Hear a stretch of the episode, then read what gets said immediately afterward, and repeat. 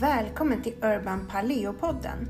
Podden för dig som brinner för naturlig livsstil och hälsa, men med en modern touch. Stenåldersliv på storstadsvis kallar vi det. Jag heter Cecilia Isaksson och i den här podden kommer vi att möta alldeles vanliga människor som har gjort helt fantastiska hälsoresor med naturliga metoder. Häng med och inspireras du också.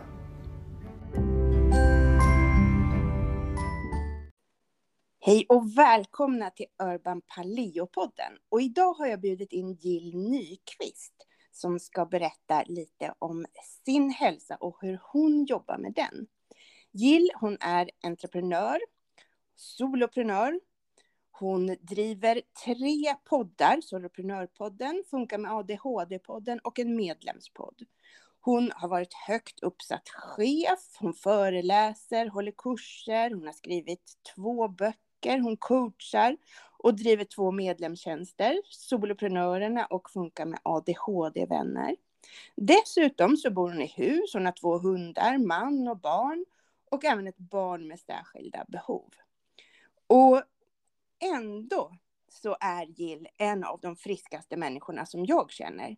Så Jill, välkommen hit! Tack så mycket! Tack för den presentationen Cecilia. Ja, hur mår du? Jo, men jag mår bra. Eh, jag, eh, just idag är jag lite trött för att de här sommarkvällarna gör att jag är uppe lite för länge, eh, sover lite för kort tid på morgonen, har en valp som vaknar tidigt så blir lite oh. trött på dagarna. Ja, och dessutom, ja, en av de två hundarna är en valp. Ja. ja bara en sån sak.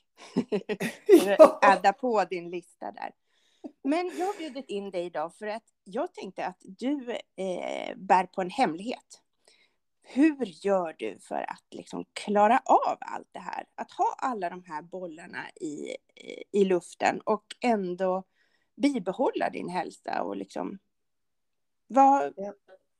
Hur gör ja. du? Vad är hemligheten? Jag, jag, jag får ganska ofta den eh, reflektionen att människor tycker att jag gör väldigt mycket saker. Eh, ja. Och, eh, eh, så jag har ju funderat över vad, vad, vad, svaret är på det. Så här, och hur orkar du göra allt det där? Eller orkar hålla det tempot? Eller så här.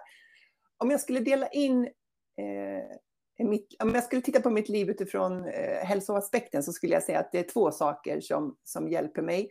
Det ena är det som jag har gjort kring min personliga utveckling, det mentala. Och det andra är eh, rörelse. Det är, ja. det, är, det är ingen raketforskning i det, men det är det som har, som har varit klon eh, för mig och eh, det som har gjort att jag har orkat över tid. Och jag tror egentligen inte att det som jag har gjort är så ovanligt, utan det som kanske gör skillnad, det är att jag har gjort det över så lång tid. Mm. För det här med träning och rörelse och det här med mental träning, det är liksom inte en satsning som jag gör vet, efter nyår. då, Nej. då minsann. Utan det är liksom min livsstil. Mm. Det, det, finns alltid med mig. För att jag, jag, jag, man hör ju ofta så här, jag hinner inte träna, eller jag hann inte träna, eller jag har inte tid att träna till exempel. Och mm. hur, hur fullpackat mitt liv än har varit eh, med olika saker, så, så har jag alltid hittat tid för träning. Ja, det har liksom det, alltid varit med i din prioritering.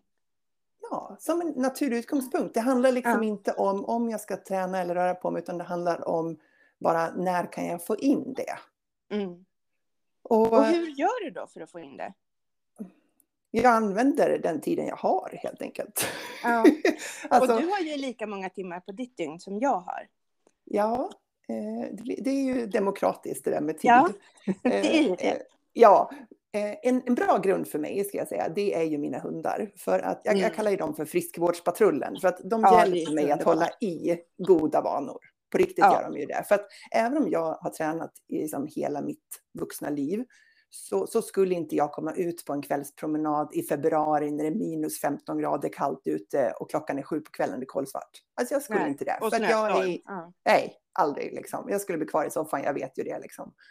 Eh, mm. Men har man hund, då går man ju ut först för deras skull, när man inte vill. Så här, jag har ingen mm. lust att gå ut. Och så tänker jag så här, eh, jag tar den korta rundan. Mm. Det är liksom min så här, mentala utgång när jag inte vill. Jag tar den korta rundan. Sen när jag mm. väl kommer ut, så nio fall av tio, så blir det inte den kortaste rundan. För då är jag liksom redan ute och då är det rätt skönt. Även om det är kolsvart ute och det snöar på tvären. Så finns ja. det en viss tjusning i att jag faktiskt är ute där i det dåliga vädret. Ja. Men det, så... finns, det finns ju faktiskt forskning som säger att hundägare lever längre och det tror jag absolut måste ha att göra med att man kommer ut. Att man rör på sig och att man faktiskt kommer ut och gör det. För kattägare ja. lever ju inte lika längre. Intressant. Mm. Ja, nej, men jag, jag, tror absolut på det. Och jag tänker att eh, när jag jobbade som mest då när jag var eh, chef och hade mycket personal, stora budgetar och du vet ansvar för, för mycket saker i verksamheten och det blev kriser och folk, ja du vet det kan ju bli lite stormigt på företag ibland och sådär. Och jag satt där liksom och, och ansvarade för att reda ut det där och leda det arbetet. Då var det ju väldigt pressat på jobbet och mycket, jag tog med mig mycket. Jag har aldrig varit bra på att släppa jobbet när jag går hemifrån. Inte, alltså varken nu som entreprenör eller eh, när jag var anställd chef. För jag, ah, jag, vad spännande. Det trodde jag skulle vara en av dina nyckelgrejer, att du var duktig på att släppa jobbet. Nej, men det är alls. Nej, jag, jag jobbar i princip dygnet runt, så, alltså i huvudet. Ja. Eh, men det som underlättade för mig, det var ju att när jag kom hem och var rätt trött efter en sån dag på jobbet, liksom, och huvudet kändes lite så här fullt av så mycket möten och information, för jag hade i princip möten eh, sju, åtta timmar per dag. Liksom. Ja. Eh, och så fick så otroligt mycket information och intryck och möten och sådär. Så Mm, den här kvällspromenaden med hundarna, det var så här, jag gick ut och kände mig trött i hela kroppen. Fast egentligen så var jag ju mest trött i knoppen, liksom i huvudet. Just och det. När jag väl kom ut och började röra på mig så var, upptäckte jag ju det då. Alltså, jag är inte trött i kroppen, det bara kändes så. Och så när jag kom hem igen, då hade ju liksom tankarna hade sorterat sig, jag hade fått lite distans till det som har hänt, jag hade hittat ett sätt att förhålla mig till de svårigheter som hade varit under dagen eller som kanske skulle komma dagen efter. Och mm. det här var liksom ingenting som jag tänkte så här, oj nu måste jag gå ut och få lite distans till saker och ting. Utan mm. jag, var, jag var ju bara ute och gick med hundarna. Men mm. jag gjorde ju det varje kväll. Så jag fick liksom den här um, lufta hjärnan lite grann och röra på mig fysiskt, vilket gjorde att jag fick en mycket bättre sömn. Mm. Och jag, jag tänker att just den kombinationen tror jag höll mig på fötter hur länge som helst. Liksom. Just att så här, jag, mm. gick, liksom, jag gick inte och la mig med ett fullmatat huvud och, och kände mig liksom, eh, dålig och risig, alltså så här, trött och slut. Liksom, utan jag mm. kände mig eh, mycket lättare. Fick mm. mycket bättre sömn. Och, och, jag har alltid prioriterat sömn för att jag, jag blir så trött. jag, ja. jag, jag, vill liksom, jag vill inte, som idag till exempel när jag säger att jag är lite trött Jag tycker inte om det. Jag vill ha en fräsch hjärna. Jag vill, att jag, jag vill känna mig pigg. Och då sover jag hellre mina timmar liksom, som, som regel. Och eh, då fick jag den där goda nattens sömn, förutom småbarnsåren. Och det mm. tror jag också gjorde skillnad. Mm. Ja, men verkligen. Sömn, rensa hjärnan och eh, dessutom röra på sig och få frisk luft. Ja. Det är nog det... en väldigt oslagbar kombination där. Och där säger du, ja men då kommer det ut för att hundarna behöver komma ut. Just det var det. liksom själva moroten ja. där, att liksom, då, de behöver komma ut, så att då får jag liksom offra mig här och gå ut för ja. deras skull. Och sen så blev det till, till slut liksom att att för din egen skull så var det det bästa som skulle kunna hända. Absolut, och det där har ju alltid varit grunden. Nu, jag, jag loggar ju all min träning och promenader kommer inte upp i min träningslogg. Det, det räknas Nej. inte som träning för mig för att, att vet, man har ju massa regler för saker och ting. Ja, så, här, så, ja. ja eh, så, att, så att träning, om jag, ska, om jag ska räkna promenader, då måste den vara över en mil. Och det ska räknas som en träning mil promenad är lika med träning. Ja. 9 kilometer är inte lika med Nej. träning. Nej. Nej. Man måste dra mm. sin gräns. Så, ja. att, eh, så att egentligen så är promenaderna går inte in i min träningsmängd utan det gör det när jag springer, cyklar mountainbike, tränar på gym, crossfit eller gör yoga eller något sånt där. Det, det är liksom träning för mig. Ja. ja. Eh, men den här um, vardagsmotionen som jag får med hundarna, den är ju mm. väldigt viktig ur hälsoaspekten, särskilt för det mentala skulle jag säga. Ja, ja verkligen det tror jag med. Och det, just där. Men hur mycket tränar du allt det här andra då? Ja, men jag har som, Ja, jag har som mål fyra pass i veckan och då är två eh, yogapass, alltså två mm. korta yoga på, mm. med Youtube. Mm. Eh, och det gör jag bara för att jag har haft en del problem med nacke och korsrygg. Mm. Och, ehm, och då utmanade jag mig själv en gång för, eh, tillsammans med en, en tjej som jag känner att vi körde en sommarutmaning. Vi ska köra, hon hade sin utmaning, jag hade min och så rapporterade vi på Messenger varje söndag och jag skulle då köra två yogapass i veckan och för mig kändes det som jag visste inte ens hur det skulle gå till. Det känns helt fruktansvärt. Men om ja. jag har sagt att jag ska köra två yogapass och dessutom ska berätta för någon annan varje söndag huruvida jag gjort det eller inte, då gör jag det. Då är det. Ja, men det, då, det, det är inte ja. bara du som funkar så, så funkar ju de allra, allra flesta. Man behöver ju ha den här accountability-kompisen liksom som verkar, ja. det kan ju vara en coach också förstås, det behöver inte vara någon man känner så, men det är ju fantastiskt ifall man har någon annan som ska göra samma sak tillbaka liksom. Ja, och det, det, det, där var för tre år sedan. Så nu i, i midsommar så har jag yogat två gånger i veckan i tre år utan uppehåll. Det är ju fantastiskt. Varenda vecka. Men det är korta pass. ja, det som har fått men det gör ingenting. Jag tycker fortfarande att det är tråkigt. Jag vet att du liksom brinner lite mer för yoga kanske än vad jag ja. gör Cecilia. Men, men för, för mig är det ett sätt att, att liksom hålla borta eh, smärta. Liksom. Onödig ja. smärta, om man säger. Eh, för att jag sitter ju ändå mycket när jag sitter vid datorn och har mycket jobb framför skärm. Liksom. Mm. Um, men, Nej, men yoga är, är, ju, eh, tycker jag, liksom ett sätt att liksom hitta in i, i, i mig själv. Men det är ju så fantastiskt medel för liksom, både för eh, rörlighet och för, som du säger, att liksom undvika smärta och mm.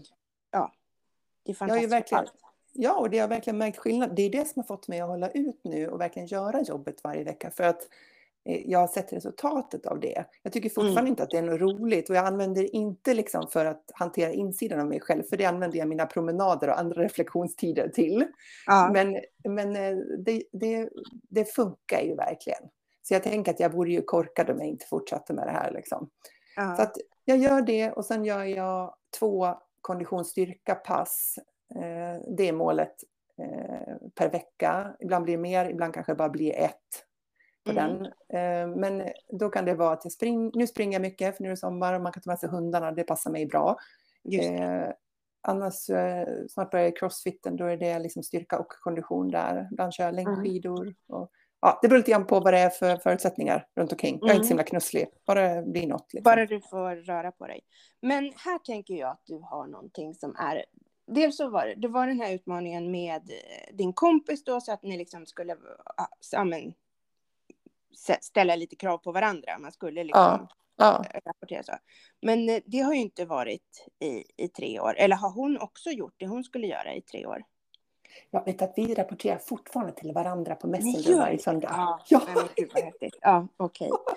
Jag har bara hängt, du har liksom bara följt med. Och det är så himla bra, för att det är inte så hon säger till mig så här, nej men Jill, varför har du bara gjort den här träningen den här veckan? Hon skiter väl i hur jag tränar, men bara grejen ja. att jag ska skriva till henne, gör någonting med mitt fokus.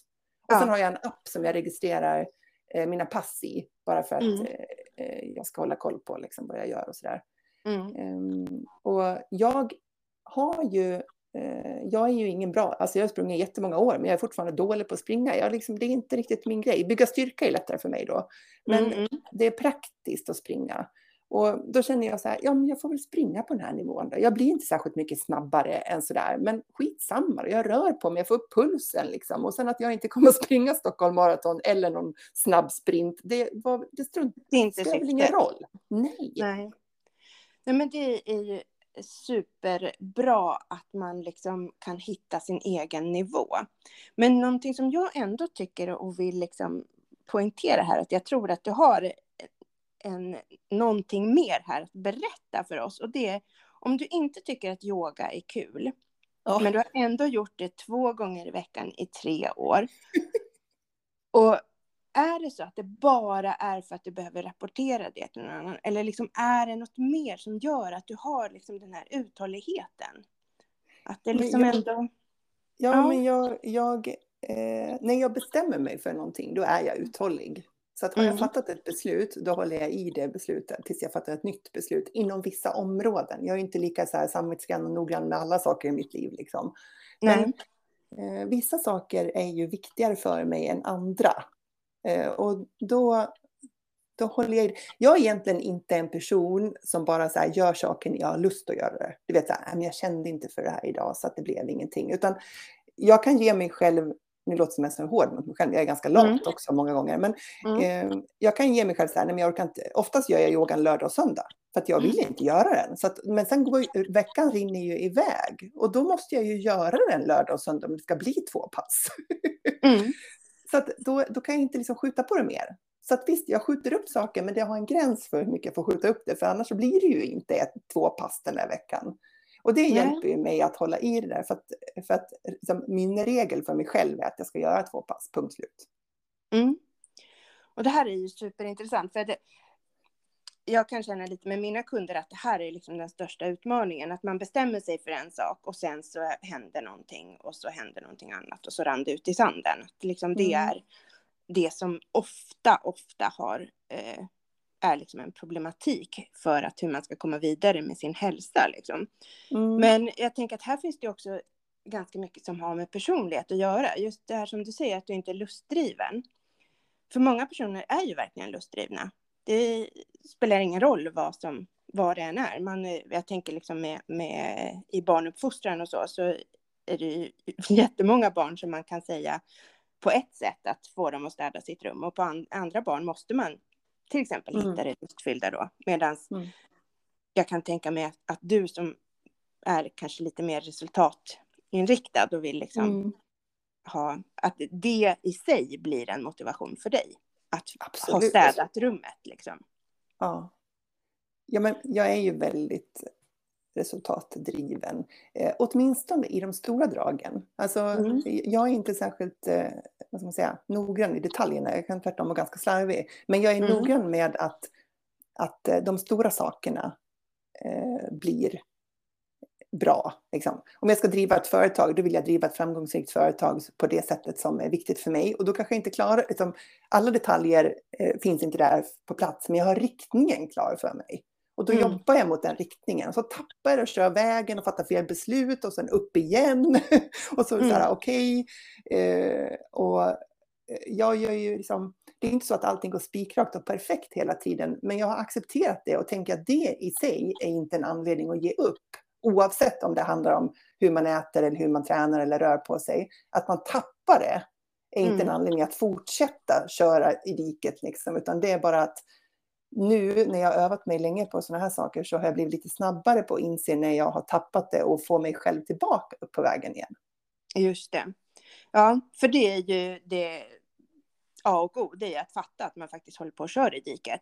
Att man inte är ja. uppe på vägen just nu, utan nu, nu är det dikeskörning här. Och jag behöver göra någonting för att komma ur det. Men eh, med träning här nu då, då är det någonting som du det kommer naturligt för dig kan man säga. Det är liksom. Ja, det får man ju säga. Det har blivit det så. Som, ja, det är min identitet. Jag är en person som tränar liksom. Ja, det är liksom inget där. Men du har ju jobbat mycket med liksom mentalt också. Mycket med eh, mindset. Och det här, jag kan ju se hur det här hänger ihop.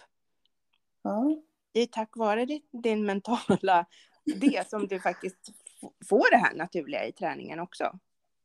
Att ja, det... men jo, det ena kanske ger det andra och, och vice versa också ibland. Men mm. Eh, jag tycker att det är lite intressant det där med hur våra hjärnor fungerar. Så att mm. egentligen så var det inte så att jag vaknade upp en dag och tänkte så här, jag måste nog träna mig själv lite mer mentalt. Nej. Utan det var nog mer nyfikenhet kring så här, hur funkar vi människor egentligen? Och mm. det blev ju angeläget dels när jag började jobba som chef att titta på hur människor fungerar och då börjar man naturligtvis att tänka på hur andra fungerar. Ja. Men ju, ju, längre jag jobbade som chef så insåg jag att det handlade mindre om hur andra fungerar och mer om hur jag själv fungerar. Ja. Eh, och samma sak sen fick jag barn eh, med ADHD, eller som inte visste att det var det från början. Så fick jag väldigt mycket utmaningar med min son. Och mm. jag blev en person som jag inte kände mig nöjd med. Vet, jag var den där liksom, föräldern som bara stod och skrek nej åt sitt barn hundra gånger per dag när han mm. var liksom, mellan ett och tre år. Eh, mm. Sådär. Och det kändes som att så här, det, här, det här var ju inget, så här vill inte jag vara. Liksom. Kändes som den värsta mon monstermamman. Liksom. Och eh, där började ju min, mina insikter kring att om jag vill få ett annat resultat, om jag vill att han ska göra på ett annat sätt, då måste jag först börja göra på ett annat sätt. Mm. Och, och, där kom ju hela den där insikten i att så här, attans, var jag ansvarig för att styra upp den här situationen? Alltså jag skulle inte gå och vänta på att han skulle bli bättre, jag skulle bli bättre själv först. Mm, precis. och, och det, det går ju liksom igen det där, det, så här, det egna personliga ansvaret. Och jag har mm. övat mig att, i att se min del av det, både i alla mina roller i livet egentligen, men det blev väldigt tydligt då i, i rollen som förälder till barn som inte betedde sig som andra barn och mm. sen eh, också som chef. Mm. Ja. Eh, och det är ju en ganska alltså när man börjar inventera sig själv så upptäcker man ju liksom saker som är mindre smickrande kring sig själv och ja. sin personlighet. Tyvärr. Så att, ja, man önskar att man borde säga en sån här fantastisk människa hela tiden och det, det är man ju inte. Så det här har ju varit en resa för mig att, eh, att ta ansvar på olika sätt. Och mm. också se, alltså eh, intressant att eh, lära mig att se igenom mina egna ursäkter för saker och ting. Mm. Du vet, där, de här bortförklaringarna. Och vissa bortförklaringar, de är ju väldigt, de, de kommer man liksom på spåret direkt. Men mm. ibland så har man ju förklaringsmodellen, man inte riktigt fattar att man håller på och försöker lura sig själv bara. Mm. Och jag tänker att nu har jag kommit en bit på väg, så nu kan jag känna, säga så här till mig själv, liksom att, att, ähm, ähm, att jag avstår att göra vissa saker beror bara på att jag inte vill göra dem. Det har inte att göra med omgivningen, det har inte att göra med någon annan person eller någon annan företeelse eller någonting. Det handlar bara om att nej, jag vill inte ta den fighten just nu. Eller jag vill inte utmana mig inom det området just nu. Det känns inte viktigt. Men jag får mm. bara så stå för att det, det, det, handlar om mig. Det är jag som har fattat det beslutet, inte någon annan.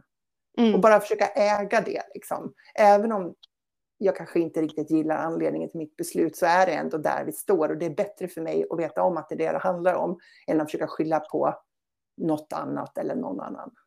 Ja, och det här är ju någonting som, alltså, som jag jobbar jättemycket med eh, mina kunder. Det är just alla de här ursäkterna liksom som som man, och jag har ju själv jättemånga ursäkter. Just nu så är min ursäkt att det är för varmt. Nej, ja. men det, det, det, är så varmt. Så jag, jag gör det sen. Det är liksom, jag vet inte hur många gånger jag sagt det redan idag bara. Det är så himla varmt. Men, eh, men eh, det är ju sånt som, som eh, faktiskt är svårt för de allra flesta att se. Att det är en ursäkt. Att det är, det är liksom, all, ja, det är oftast alla andras fel eller det är liksom, ja. ja, systemet eller det är alltid någonting annat som går att skylla på och inte mm. faktiskt ta ansvaret själv. Men då har du kommit väldigt långt i det, känner jag. Ja, och, ja, och så tillvida att jag... Eller så här. Det, det, det, det, det sker bäst i kombination med att vara lite snäll mot sig själv. För att, mm. att, komma på att man har ursäkter och sen liksom, på något vis slå på sig själv för att man är ett sånt pucko som håller på med massa ursäkter hela tiden. Det gör ju mm. inte en mer villig att se sina egna ursäkter och sina egna undanflykter. Nej. Så att en kombination med att säga, okej okay, jag fattar nu att jag inte eh, gör det här jobbet för att eh, jag, jag, jag, vill inte eller jag, jag, eh, tycker det känns för jobbigt just nu eller sådär. Mm. Och sen kan man väl så här, och, och, och acceptera att ibland får det vara så. Det är mm. okej. Okay. Mm. Men jag skyller inte på att det är någon annans fel. det är fortfarande jag som har gjort det här valet. Men jag, jag, slår inte heller på mig själv för att jag inte lyckades få mig själv att göra det just den där mm. dagen. Nej, precis. Eh, för att vill man, vill man se de dåliga, vill man jobba med de dåliga sidorna av sig själv, då kan man inte slå sig själv med sin dåliga sida varenda gång man kommer på den. För då blir man ju ännu mindre benägen att få syn på det där. Om man vet Nej, att man sen kommer vara så tuff aldrig. mot sig själv och liksom bara hålla på att älta det sen, hur, vilken dålig person man är. Nej, och man kommer aldrig framåt eh, med, om man gör så heller. Men jag tänker liksom när du då har det här och så om vi sätter det här liksom till hälsa så är det här men, med allt du gör. Jag tänker alla jobb, alla poddar och ja, men allt sånt. Just den här stressen. Hur liksom hur jobbar du med det? För vi har ju eh. lika många timmar, du och jag. Ja, ja. Nej, men jag, jag övar mig på, det här är en konstant övning, då, så ibland går det bra, ibland går det mindre bra, men jag övar mig på att in, om jag har en, som hela den här våren har varit galet, eh, alltså våren som har gått då har ju varit väldigt, väldigt uppbokad för mig och jag har haft extremt mycket leveranser. Mm. Och det jag försöker hela tiden fokusera på, det är vad jag ska göra här och nu den här timmen. För att, att jag mm. har jättemycket att göra resten av veckan, det har ingen som helst egentligen inverkan på vad jag ska göra precis just den här timmen. För jag kan bara göra det jag gör precis den här timmen just här och nu, oavsett mm. vad som ligger i min kalender fram. Mm. Och det har jag liksom verkligen övat mig på att inte låta eh, den där känslan av att det är för mycket, jag kommer aldrig klara det här, hur ska jag hinna med, jag kommer aldrig hinna, allt det där bara så här, vet du, åka över mig som en våg, liksom som en flodvåg. För att det spelar ingen roll vad som kommer där. För att nu är nu, är nu och nu jobbar jag med det här. Och sen tar jag det mm. andra steg för steg. Mm. Så att när jag får den här känslan, för jag blir ju ändå överväldigad ibland och jag får den här känslan av stress och att eh, hur ska det gå liksom det, det kommer över mig. Så, mm. så tillåter jag mig inte själv att vältra mig i det där. Utan jag liksom skapar den här mentala distansen kring att så här, ja men okej, okay, nu känns det jättemycket, men hur är det egentligen? Och så tittar jag liksom så här, ja men det här kommer här, det här kommer här, det här kommer här.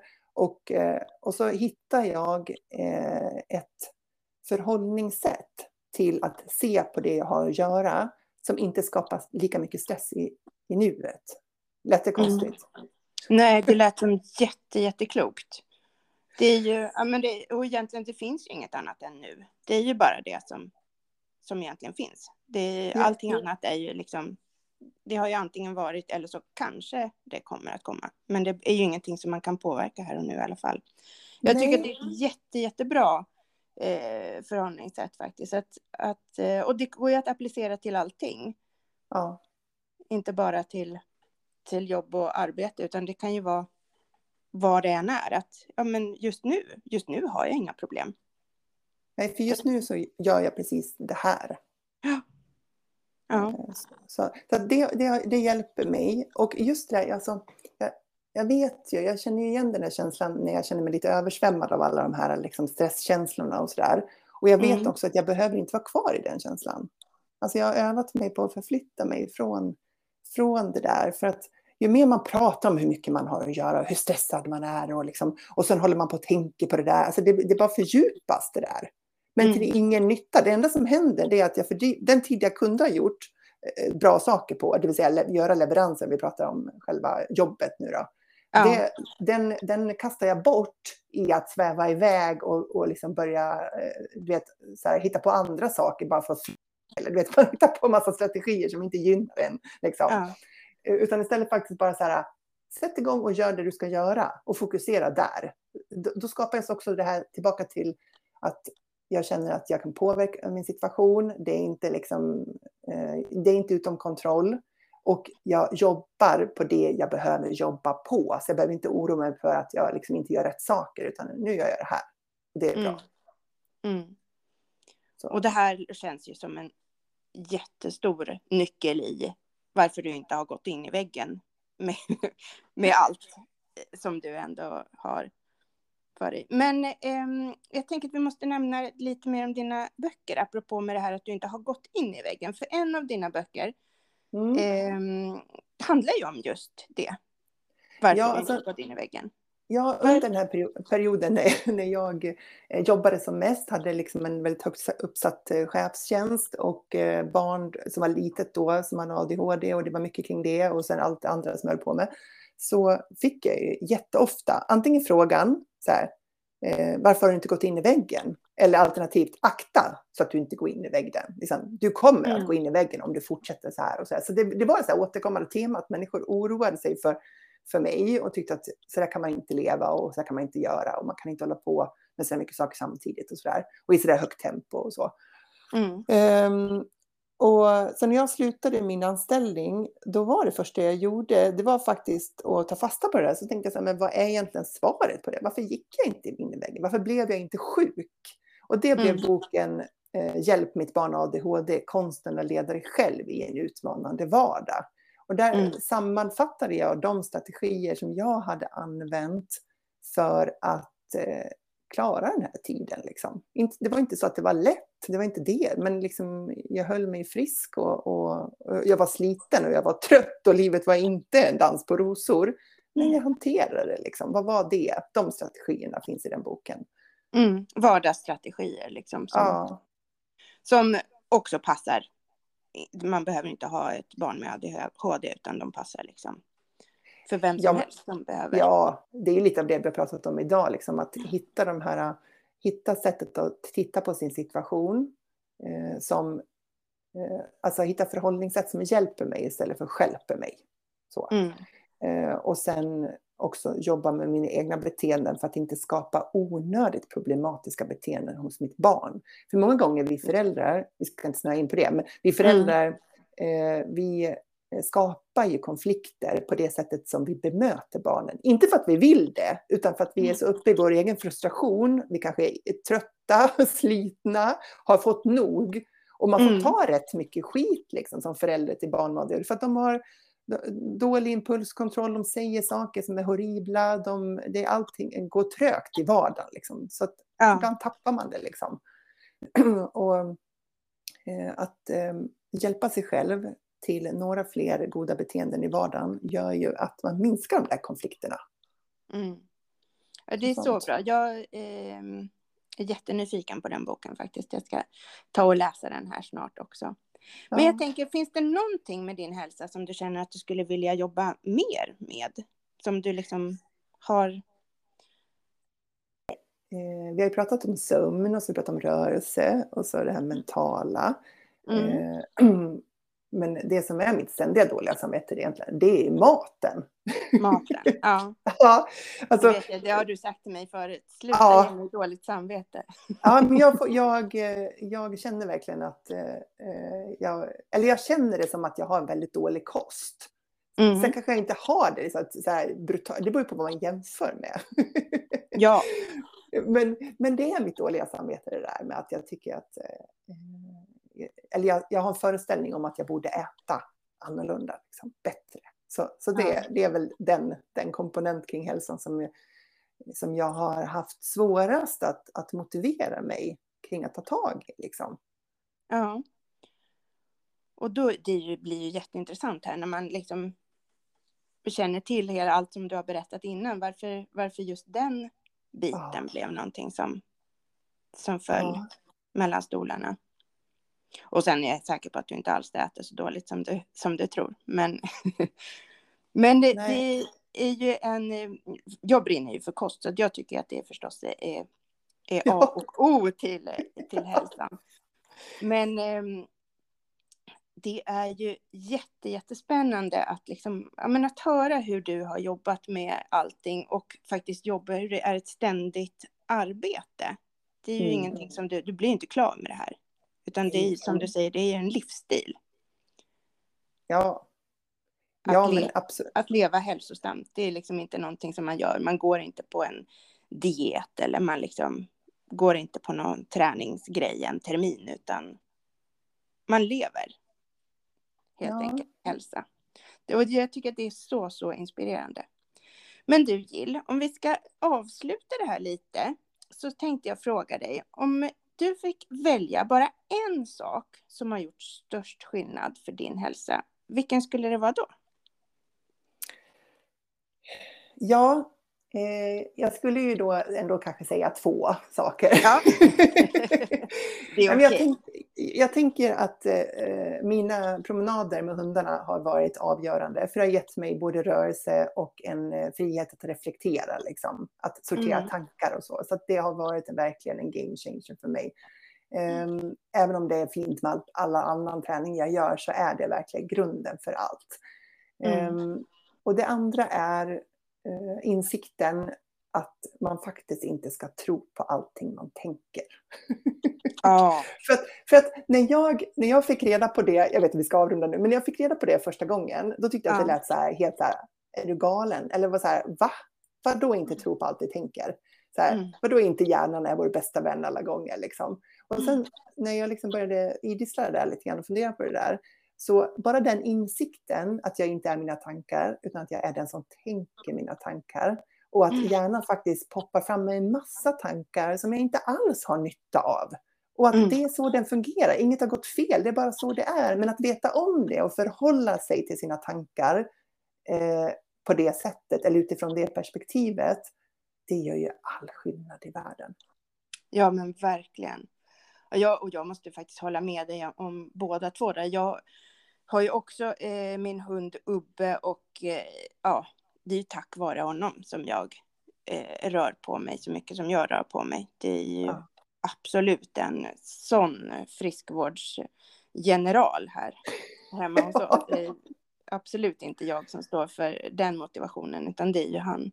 Men mm. sen också där du tänker, det säger om tankarna, det har också varit en, jag läste Eckart Tolle, jag vet inte om du har hört talas om honom eh, förut, men han pratar mycket om just det här, vem är det som, som tänker våra tankar och att man liksom inte, ja men, man måste bli medveten om tankarna. Att mm. det liksom, det är inte sant alltihopa. Och när jag läste den, då, det kändes som att någon slog mig i huvudet med en stor slägga. Det var liksom så här, men gud, att jag inte har fattat det här förut. Ja. Jag är så arg på mig själv. Har jag levt i så här många år utan att förstå att det är så här? Men det ja. är en jätte, jätteviktig insikt. insikt. Jill, ja. tusen, tusen tack för att du ville vara med. Ja, men tusen och, tack för att jag fick vara med. Jätteroligt. Ja, nej men, och jag känner att vi har jättemånga saker som vi skulle kunna diskutera vidare här. Så att vi får se om det kanske blir fler avsnitt med dig. Kanske blir en uppföljare. en uppföljare. Men tusen tack för att du ville vara med. Tusen tack Cecilia.